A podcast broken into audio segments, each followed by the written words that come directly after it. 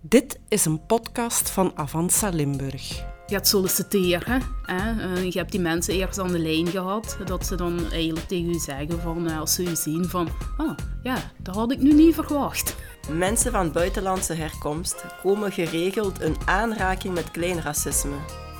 Een uitspraak, een gebaar, een blik. Die verwijst naar een origine en die kwetst.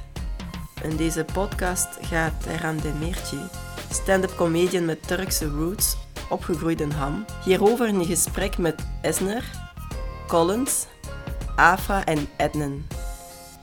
Met een stevige portie humor geven deze vier Limburgers jou een inkijk in leven. Goedemiddag met Karel.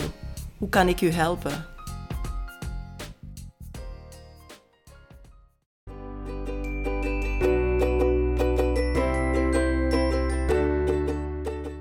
En vertel eens, wie is Eusenoor? Um, ik sta in het onderwijs en dan uh, ondertussen al bijna 14 jaar. Um, ik werk dus met kinderen. Ja. Ik doe dat heel, heel graag. Ik lees ook heel graag. Um, ik filosofeer ook uh, met, met jongeren en met kinderen. Welke leerjaar geef je les? Ik zit in het lager onderwijs. Ja, in Brussel. In Brussel? Ja, in twee scholen. Dus ik sta op twee scholen in Brussel.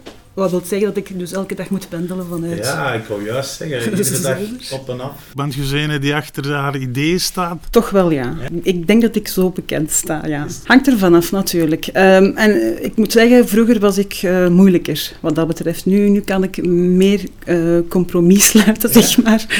Dat heb ik geleerd ondertussen. Ik ben wat wijzer geworden, hè, eraan met de leeftijd.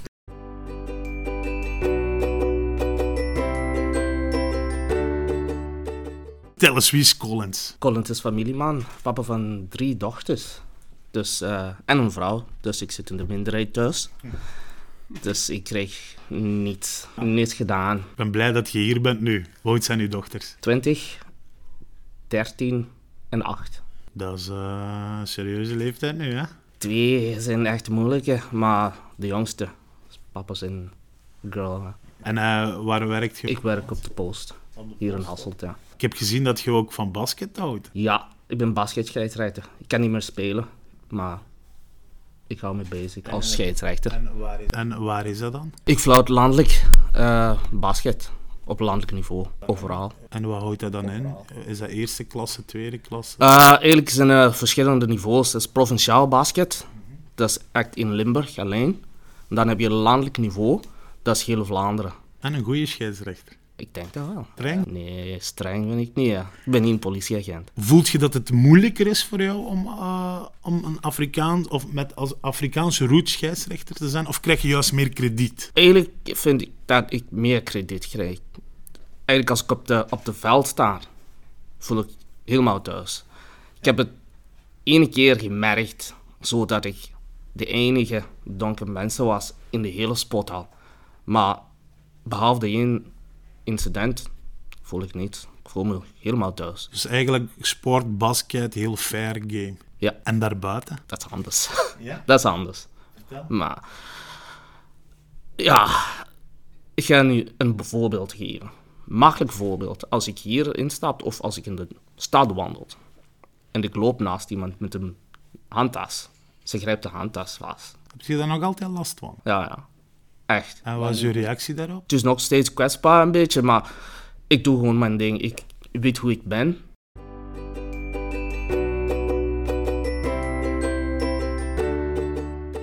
Vertel eens, wie is Adnan? Adnan is een uh, 20-jarige student. Uh, ik kan je wel even corrigeren, mijn naam is eigenlijk Hadnan, op zijn Marokkaans uitgesproken. Hadnan. Hadnan? Ja, goed geprobeerd. Uh, 20-jarige student. Uh, ik volg sociaal-cultureel werk aan de hogeschool, UCLL. Um, mijn hobby's zijn voetbal. Ik voetbal op vrijwel redelijk hoog niveau in de zaal. Ik ben een personal coach. Ik geef personal training. En ik zet me graag in uh, voor jongeren en voor, voor veel projecten, zeg maar, in stad Genk. En dat doe ik met heel veel plezier. hey, zo jong en zoveel talenten, hè? Zoveel te doen studeren, voetbal, sociale projecten, personal coach? Ja, weet je, je moet zoeken in het leven hè, waar je je goed bij voelt. Hè. Ik heb, voordat ik uh, studeerde, ben ik eerst gaan werken. En dat bleek dan niet te zijn wat ik wou, dus dan ga ik juist doen wat ik wel wil. Maar je weet niet wat je wilt, tenzij dat je eerst fouten maakt en uit die fouten leert.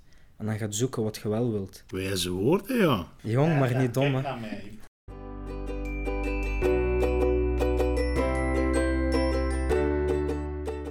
Vertel eens, wie ben jij? Ik ben Afra, ik ben 35 jaar.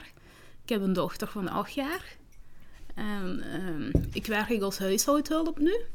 En ik studeer eh, rechtspraktijk. Je combineert studies met werk en een dochter en dat lukt. Ja. Sterke vrouw, hè? hey, Afra, weet je wat ik, mij opvalt, wat ik heerlijk vind aan u? Dat geweldig accent. Zou ik jou aan de telefoon hebben, zou ik nooit kunnen raden wat dat uw roots zijn. Ik neem aan dat je dat vaak meemaakt. Vertel. Heel vaak. Ja, eh, ik kom uit Rwanda. En maar ik ben van mijn zes jaar hier. En dan, ehm, ja, ik heb heel snel Nederlands geleerd. Als je jonger bent, is dat wel makkelijker ehm, om Nederlands te leren. Ehm, ja, dus ik heb een Limburgs accent. En eh, hoe vaak krijg je de reactie als u dan het echt zien? Heel vaak. Vertel eens, geef eens een voorbeeld. Wat maak je zo al mee dan? Bijvoorbeeld van als je ehm, gaat solliciteren. Hè, eh, je hebt die mensen eerst aan de lijn gehad. Dat ze dan eigenlijk tegen u zeggen van, eh, als ze u zien van... Oh, ja, dat had ik nu niet verwacht. Vind je dat erg? Ja, weet je, eh, het is dan eigenlijk meer van dat ze denken van... ehm, dat iedereen een accent heeft die niet hier is geboren. Beetje een vooroordeel. Denk je dat dat negatieve gevolgen heeft gehad ergens? Het beeld dat ze van jouw spraak hadden en dan zien ze jou in het echt, heeft dat dan, heb je dan ooit het gevoel van oei, nu gaat het anders zijn voor mij? Ik heb dat pas nog eh, meegemaakt van, eh, met een tandarts. Die eh, was eigenlijk heel vriendelijk aan de telefoon. En dat was ook de eerste keer dat ik naar daar ging. En toen dat hij mij zag, eh, veranderde die zijn toon helemaal. Hoe dan? Heel onbeleefd. En je denkt dat het echt met uiterlijk te maken had? Ik denk het wel. Had je je tanden gepoetst? Ja. Ik kan daar niet aan gelegen houden. En hoe reageert je daar dan op? Dat ligt eraan eh wat voor situatie eigenlijk, van hoe dat ik eh, reageer. Ook van of dat ik een goede dag heb dan. Hè? Want ja, als je al van alles hebt meegemaakt die dag en dan gebeurt dat nog, dan reageert je ook compleet anders. Hè? Ja. Maar ik moet wel zeggen, van, ik ben nu 30 jaar in België. Ik kan wel filteren van, heeft dat met racisme te maken of niet? Ik, ja, ik zie dan meteen van, eh, die persoon doet anders tegen mij omdat ik zwaar ben. Of die persoon doet anders tegen mij omdat hij een slechte dag heeft. En hoe ziet je dat? Is dat iets dat je aanvoelt? Of is dat iets dat je ziet, merkt, voelt, ruikt, weet ik veel? Ja, een combinatie van alles. Ik, ik voel dat. En ik zie dat ook van, dat is zo... ik- ja, dat is moeilijk om te omschrijven. Dat is zo een gevoel dat je krijgt. En ook als je iemand in zijn ogen eh, kijkt, je merkt dat. Ja, ja. Is dat voor jou racisme? Nee, dat ligt eraan van, eh, als ze iets zeggen, dan kan ik dat zien van, eh, zeggen die dat omwille van, ja, van eh, racisme? Of zeggen die dat van omwille van, ze hebben een slechte dag en, of ze doen gewoon tegen iedereen zo. Snap je? Ik heb dat, ik heb dat eh, heel sterk gehad bij een eh, leerkracht van mijn dochter in de kleuterklas. De allereerste ontmoeting. En eh, zij zei iets tegen mij, die leerkracht. En zij keek mij in de ogen en ik voelde meteen van, ik ga problemen met die vrouw hebben. Dat voelde ik meteen. En ik, en ik voelde ook meteen van, zij heeft een probleem van dat ik zwart ben en dat mijn dochter mixed is. Ik wist dat meteen. En eh, eh, dat bleek ook zo te kloppen. Ik heb heel het jaar heb ik eh, ellende gehad met haar. Hè. Hoe? Hoe door mijn dochter te vernederen, pijn te doen, letterlijk echt pijn te doen. Ehm, dingen te zeggen wat echt niet door de beugel kan. Haar dom te noemen. Een leerkracht noemt uw dochter van acht dom. En hoe reageert jij daar dan op? Ik heb eh, leerkracht ene keer aangesproken toen mijn dochter zei van dat hij haar pijn had gedaan. En zij ontkende dat in alle toonaarden, uiteraard. Maar ik zag wel in haar ogen van dat ik de waarheid sprak. Ja? En van toen af, ook al ontkende ze dat, van toen af is dat ook niet meer gebeurd.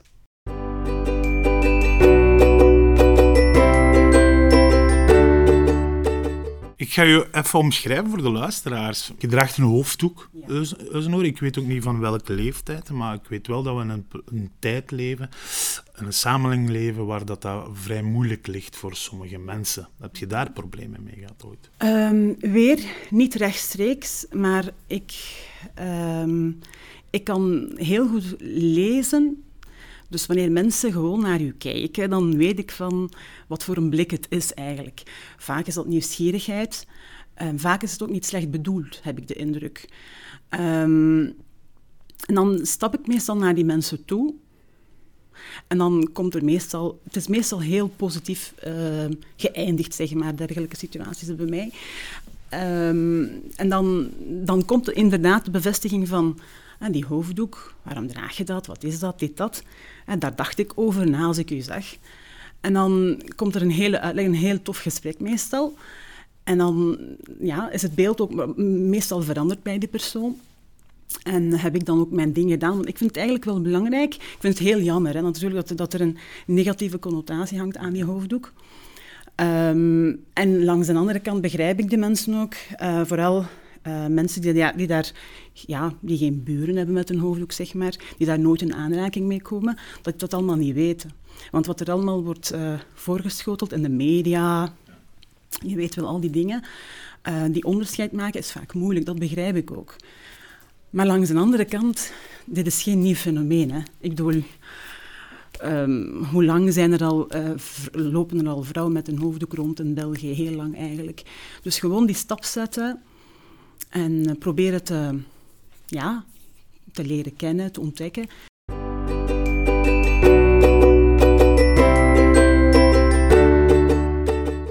Een hele goede voetballer. 20 jaar, groot talent, maar ik kijk naar u. Ik zie een lange baard, kort haar. En dat schrikt sommige mensen af. Absoluut. Absoluut. Waarom schrikt dat mensen af, denkt je?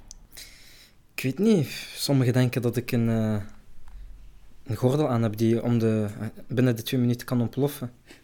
Is dat of niet? Drie, twee, één. Ik zou weglopen.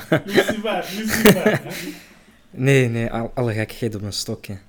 Ehm, ik maak dat wel vaker mee, dat, eh, dat ik voor mijn baard, of op mijn baard word beoordeeld. Hoe dan? Eh, als klein, jong, allee, klein jongetje, ik had op mijn veertiende al een lichte baard. Ehm, en ik, vo- ik voetbal. En eh, als er dan wedstrijden waren op zaterdag, ik speel tegen ploegen, andere kant van Limburg, andere kant van Vlaanderen soms zelfs. Daar zijn niet zoveel allochtonen in die ploeg. Ja, dan hoort je wel eh makaak, eh, terrorist. Want je weet heel die gebeuren toen met Salah Abdeslam. En, ja, dan word je daaraan gelinkt als 14, 15-jarige jongen. En ja, je weet niet wat je ermee moet doen, vol woede. Je raakt gefrustreerd. Je houdt je niet meer bezig met voetbal. Je begint de bal te pakken in je hand. Je shot die gewoon tegen die man. Je begint te lopen naar die man. Je wilt hem aanvallen. Die wil u aanvallen. Heel gefrustreerd. En dat heeft mij veel gekost tussen mijn 14e en mijn 18e. Want ik wist nooit hoe ik daarmee moest omgaan. Dus dat heeft mij toen een beetje gebroken. En hoe gaat je er nu mee om? Ik breek hun. Op een fatsoenlijke manier door... Als zij mij uitmaken, dan ga ik erop in door mee te lachen. Dus bijvoorbeeld, eh, terrorist. Als je niet oppast, zijn we direct allemaal dood. Zo, drie, twee, zoals ik net bij u deed.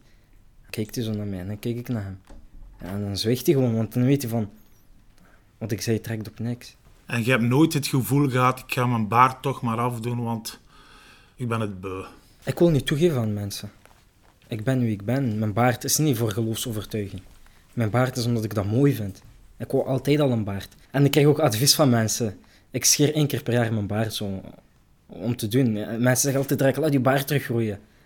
Dus eh, ba- die baard, dat hoort bij mij. Ik ben Adnan en ik heb een baard. Al van mijn veertiende en ik ben daar trots op. En op school? Nee, ik moet zeggen, op school, eh, zeker UCLL, helemaal geen problemen. Onze klas is gemixt, we hebben alle verschillende nationaliteiten erin. Wat studeert je? Sociaal-cultureel werk. Wat was de reden dat je dat studeert? Omdat ik eh, de samenleving wil helpen veranderen, in een positieve zin. Dus van binnenuit veranderen. Ja. Ik zie dat al in Genk gebeuren. Genk is een super diverse stad. Eh, ik ben ook heel trots op Genk dat ik er vandaar kom. Ik ben daar geboren en getogen. En als je ziet hoe mensen daar met elkaar omgaan. In onze straat wonen Belgen, Turken, Marokkanen, Grieken, Polen, Spanjaarden. En we doen allemaal heel normaal tegen elkaar. Als je daar gaat doen, en ik zeg maar iets, uh. Oei, oei, oei. Hetman, volgens mij, als ik u mag samenvatten, dan kun je racisme bestrijden om dat van binnenuit te veranderen. Is dat de reden waarom dat je bent gaan studeren? Ja, zeker. Gewoon, samenleving moet omhoog getrokken worden. Zeker nu in moeilijke tijden, uh, waarin racisme een grote, grote spelbreker is, zeg maar. En door te praten, door te communiceren, lossen we heel veel dingen op. En door broederschap en, uh, hoe zeg je dat? Verbondenheid, bruggen bouwen. Dat is wat wij moeten doen nu. En onze generatie, daar ben ik zeker van, dat gaat ervoor zorgen dat we nog closer gaan worden met elkaar. Dus over twintig jaar spreken we nog eens met elkaar. Dan ben ik misschien uw voorprogramma. Misschien. Of misschien komt je een wedstrijd kijken.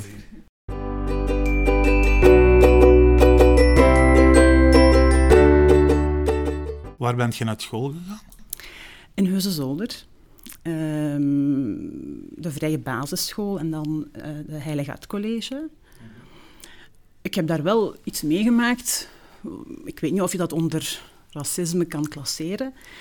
Um, wij moesten een gedicht schrijven. Ik was toen amper elf jaar, denk ik. Ja, denk ik ongeveer. En uh, het gedicht was mijn gedicht, maar het was wel vertaald uit het Turks. Dus ik, dus ik, ja, ik ben vrij goed in mijn moedertaal, dus dat is dus ondertussen het Turks. Um, dat was dus een gedicht geschreven in het Turks. Ik heb het vertaald naar het Nederlands, maar ik kon mijn uh, leerkracht maar niet overtuigen dat het mijn eigen gedicht was. Maar ja, hij kon het, tegendeel ook niet bewijzen natuurlijk, want ja, hij kan het nergens vinden. En ja, ik begon te wenen. Want ik zou eigenlijk een, een 16 verdienen, maar omdat, omdat hij niet wil geloven dat het van mij komt, was het toen 12 of 14. En uh, toen vroeg ik van, ja, waarom wilt u mij niet geloven? En het antwoord uh, was toen in de soort van, uh, het is, we zijn het gewoon van jullie soort dat jullie liegen. Maar echt waar, toen, ik was waarschijnlijk nog jong en dom, ik heb er toen echt niet bij stilgestaan van... Ik vroeg me af van, wat bedoelt hij nu hiermee?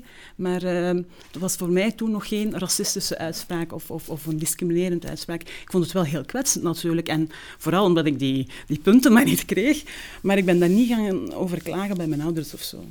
Ik heb nog eens iets meegemaakt. Dat was uh, toen ik vakantiewerk deed, ergens in een fabriek, als jobstudent. Dat was dus als jobstudent en dan, dan werk je daar een maand. En het is de bedoeling dat je op het einde van de maand een evaluatiegesprek voert met je coach. Want zo heette die meneer dan. Ik ben de naam kwijt, maar als ik hem zou zien, zou ik hem nog herkennen. Dus we hadden een coach die dan verantwoordelijk was voor onze lijn. Iedereen werd daar begroet. Uh, iedereen kreeg daar iets te horen, behalve ik dan. Ik had toen ook mijn hoofddoek op. Ik was toen nog wel vrij jong, 17, 18 jaar misschien. En uh, eerst vond ik dat eigenlijk niet vreemd. Ik stond er niet bij stil, maar na een tijdje dacht ik van, ja, ik krijg die groet maar niet. waarom? Maar ik, ik ben niet opgestapt om te vragen waarom dit, dat. Ik heb het zo gelaten. Na die maand dus voor het uh, evaluatiegesprek word ik dan opgeroepen. Iedereen wordt dus uh, al sprekend, dus met van, ah, kom je even mee, bij naam, opgeroepen. Bij mij was het echt, kom een keer mee, zo van, geen woord. Hè. Misschien omdat hij jouw naam niet kende. Ja, maar hij kent wel de rest. En dan zijn we dus ja, naar zijn bureau gegaan samen. En ik, ja, ik, ik benieuwd van ja, wat er allemaal gezegd gaat worden. Hij trekt mijn dossier open, waarschijnlijk voor de eerste keer, want hij stond daar echt met een mond vol tanden, zoals we zeggen. Wat zag je ook, die, die verwondering? Helemaal rood van verbazing. Wat? Ben jij student? Studeer jij? Uh, lees jij in het Engels? Lees jij Frans? Studeer jij economie wiskunde? Ik, ja, ja, ja. Ik, ik, vond het allemaal heel eigenaardig van, dat is toch heel normaal? En toen, uh, dus de bedoeling was dat het maar een kwartiertje ging duren. Alwel, we bleven daar een uur babbelen. En op het einde zei hij, ehm, wel, jouw naam ga ik nooit vergeten, omdat dit mijn beeld over de vrouw met de hoofddoek compleet veranderd heeft. Dus hij dacht dat ik ehm, ja, een onderdrukte Turkse vrouw was die geen woord Nederlands kon. Nou ja, dat was toen wel veranderd. Dus uiteindelijk is het goed gekomen voor mij, Erhan. En voor hem, hè? Je hebt zijn leven veranderd. En ik hoop dat hij mijn naam niet vergeten is. Bij deze de groetjes aan hem.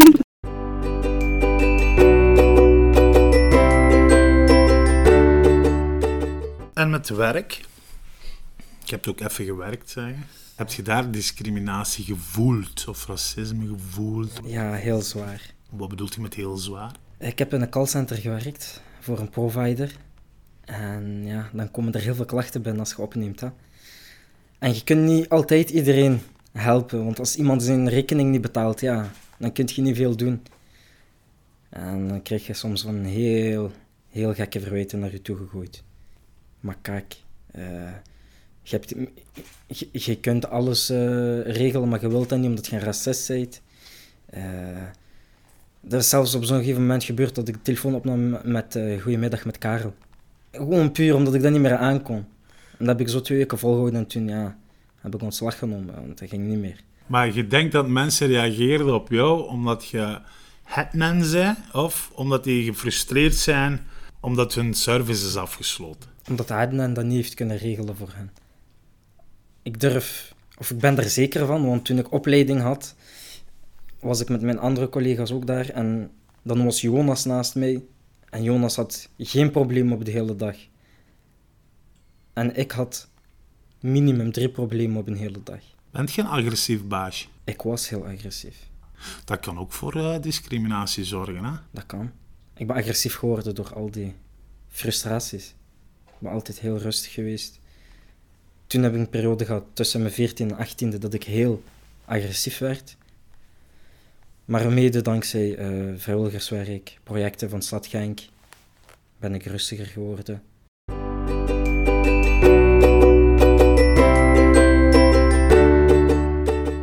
De papa van uw dochter is uh, blank. Ja. En uw dochter is dan mix. Wat vind je ja. daarvan, van dat woord mix? Mix vind ik uh, heel goed, omdat ehm, ja, bij ons Afrikaanse mensen, wij zeggen mixed.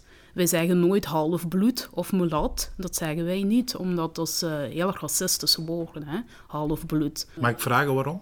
Omdat vroeger, uh, toen uh, een zwarte vrouw met een blanke man of, of andersom een kind had, en die zeiden dan, en dan mensen zeiden dan eigenlijk half bloed om hun te vernederen. Dus dat wil zeggen van, je bent maar een, een, de helft van een persoon. Je bent geen volwaardig persoon omdat, ja, omdat je zijt en zwart en wit. Hè? Maar zij zien dat van, je zijt of zwart of wit. En niet, je zijt zwart en wit. Wat ik, wat ik vaak wel hoor is nu, vooral met Black Lives Matters, hè, de laatste jaar, dat, um, dat jullie heel snel het gevoel hebben dat jullie gediscrimineerd worden. Bijvoorbeeld, hè, ik geef nu aan woorden als um, halfbloed, zwarte, uh, blank mag niet meer, wit, Vind, vind je dat, dat de mensen die dat zeggen gelijk hebben? Ik vind eigenlijk van niet, omdat uh, de maatschappij verandert. Hè? Mm -hmm. Vroeger zeiden wij daar niks over, maar nu, hè, wat er allemaal is gebeurd met George Floyd en weet ik veel wat allemaal, mensen zijn zich veel bewuster geworden. En uh, uh, zij komen nu op voor hun rechten. En zij zeggen gewoon van het is genoeg geweest, van uh, wij willen dat niet meer pikken. En dat vind ik eigenlijk wel een, een goed gegeven. Ja. Want weet je, veel mensen zeggen ook het woordje neger. Hè? En uh, zij zijn daarmee opgegroeid en zij zien daar geen kwaad in. Maar het wil niet zeggen als je daarmee bent opgegroeid dat het daarom ook oké okay is. Maar wordt dat nog gebruikt, neger? Ja, dat wordt nog uh, regelmatig gebruikt. Ik had overlaatst had ik, ik ben uh, ook vakbondafgevaardigde van mijn werk. Ik had overlaatst had ik een, een vorming daarover. En toen ging het ook over racisme en dergelijke. En toen zei die vormingmedewerker eigenlijk van... Ja, ik heb een kameraad van Congo en die heeft he heel leuke negerkinderen. Ja, wow. maar is dat dan racisme of is dat onwetendheid? Ja, dat is on onwetenheid. Want eh, eh, ik ben toen eigenlijk weggegaan van die meeting.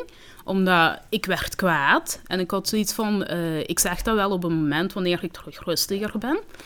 En toen had hij mij zelf aangesproken. Een paar dagen later. En eh, eh, zei hij van, ja, die zo, eh, had je daar problemen mee? Ik zo, ja. En toen zei hij van, ja, die zo, maar ik ben daarmee opgegroeid. En toen heb ik ook hetzelfde gezegd van, ja, ik zo, maar wil niet zeggen omdat je daarmee zit opgegroeid, dat dan oké is. Van, dat woord, dat kwetst. Ook als zwarte mensen dat onderling zeggen, van, dat hoort niet. En toen wist hij het wel van, oké, van, ja, dat hij zich daar meer bewuster van ging zijn, van om, om dat niet meer te zeggen.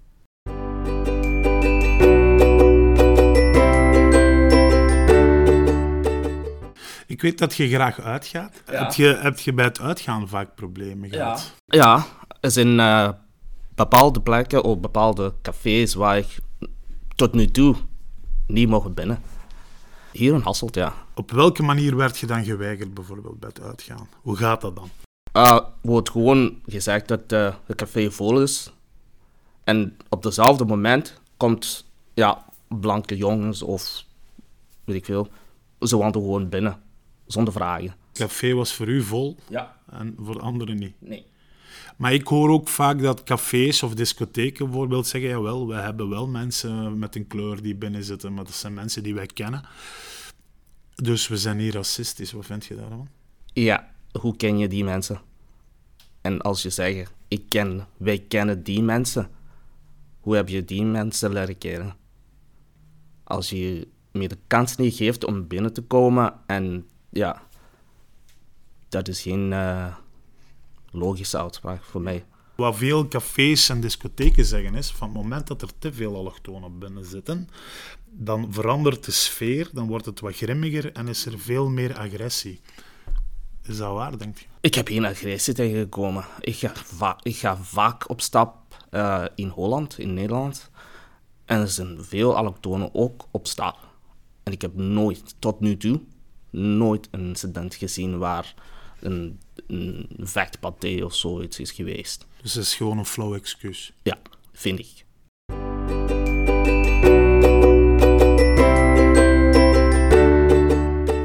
Afra, hoe kunnen we de wereld veranderen? Hoe kunnen we de wereld een mooiere plaats maken volgens jou? Ik denk dat het gewoon bij eh, je eigen ik begint. En dat je eh, de andere personen als volwaardige personen moet behandelen. En gaan we daar racisme kunnen weghelpen? Misschien. Maar niet te veel, hè? Anders heb ik geen werk, hè?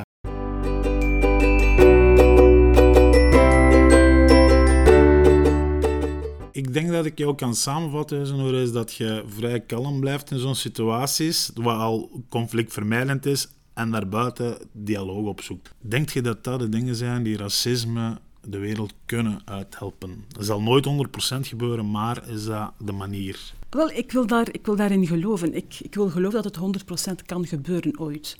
Maar dan moet het wel van beide kanten, en daarmee bedoel ik van alle kanten komen. Want het zijn geen twee kanten, het zijn meerdere kanten, begrijp je? En vaak eh, merk je dat dat niet slecht bedoeld is. Hè. Bedoeld is ehm, maar als je dan die stap niet zet, hè, dus als je dan niet gaat eh, communiceren of die dialoog gaat versterken, zeg maar, ja, dan wordt het helemaal eh, verkeerd. Dan gaat het de verkeerde kant uit. Ik ben helemaal akkoord met Oeznu dat mensen moet de, de initiatief moet van iedereen komen. Als je me niet probeert te leren kennen, ga je nooit weten hoe ik ben. Dus er is een vooroordeling dat donkere mensen zijn agressief, eh, dus ze mogen niet binnen of ze zijn boeven, dus eh opletten mee en zo. Maar dat is moeilijk. Ik woon hier maar tien jaar. Ik heb alles geprobeerd om in de maatschappij te integreren. En dat is moeilijk als je zo uitspraken en, en, en, en reacties krijgt op straat of ergens.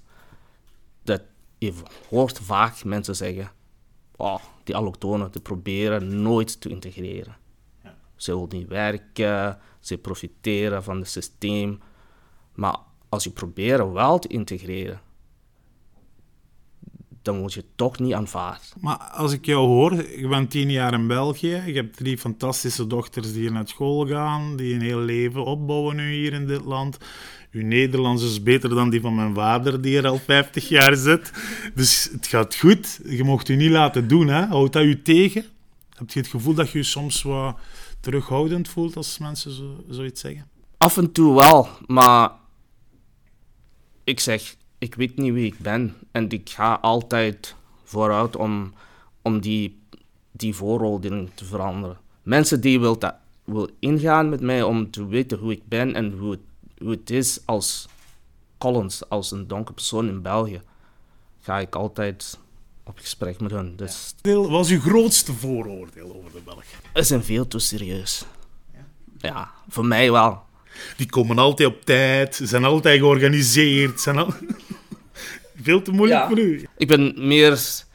Kijk, als ik hier rondrijd, ik ga een conversatie ingaan met iemand die in de auto naast mij. Voor mij is dat helemaal normaal. Hé, hey, hoe is het? Hoe is een dag? Maar voor de Belgen is dat zo... eh, Wat wilt hem? Eén keer een man rijdt rond met een, een, een hoe zeg je, een platte band. Ik probeer hem te, te, te wijzen dat, hey, je band is plat, hè. Nee, hij wil het niet zeggen. Pak uw hand, zet die op uw hart, hou uw hart vast. Want ik ga u iets zeggen. Je hebt drie dochters die hier in dit mooie land opgroeien. Binnen tien jaar zijn dat ook Belgen, hè? Die gaan op tijd komen. Die gaan zeggen, papa, waar zit je? Vijf uur is vijf uur, acht uur is acht uur. Weer ik, ik kan mijn best doen om dat te vermijden.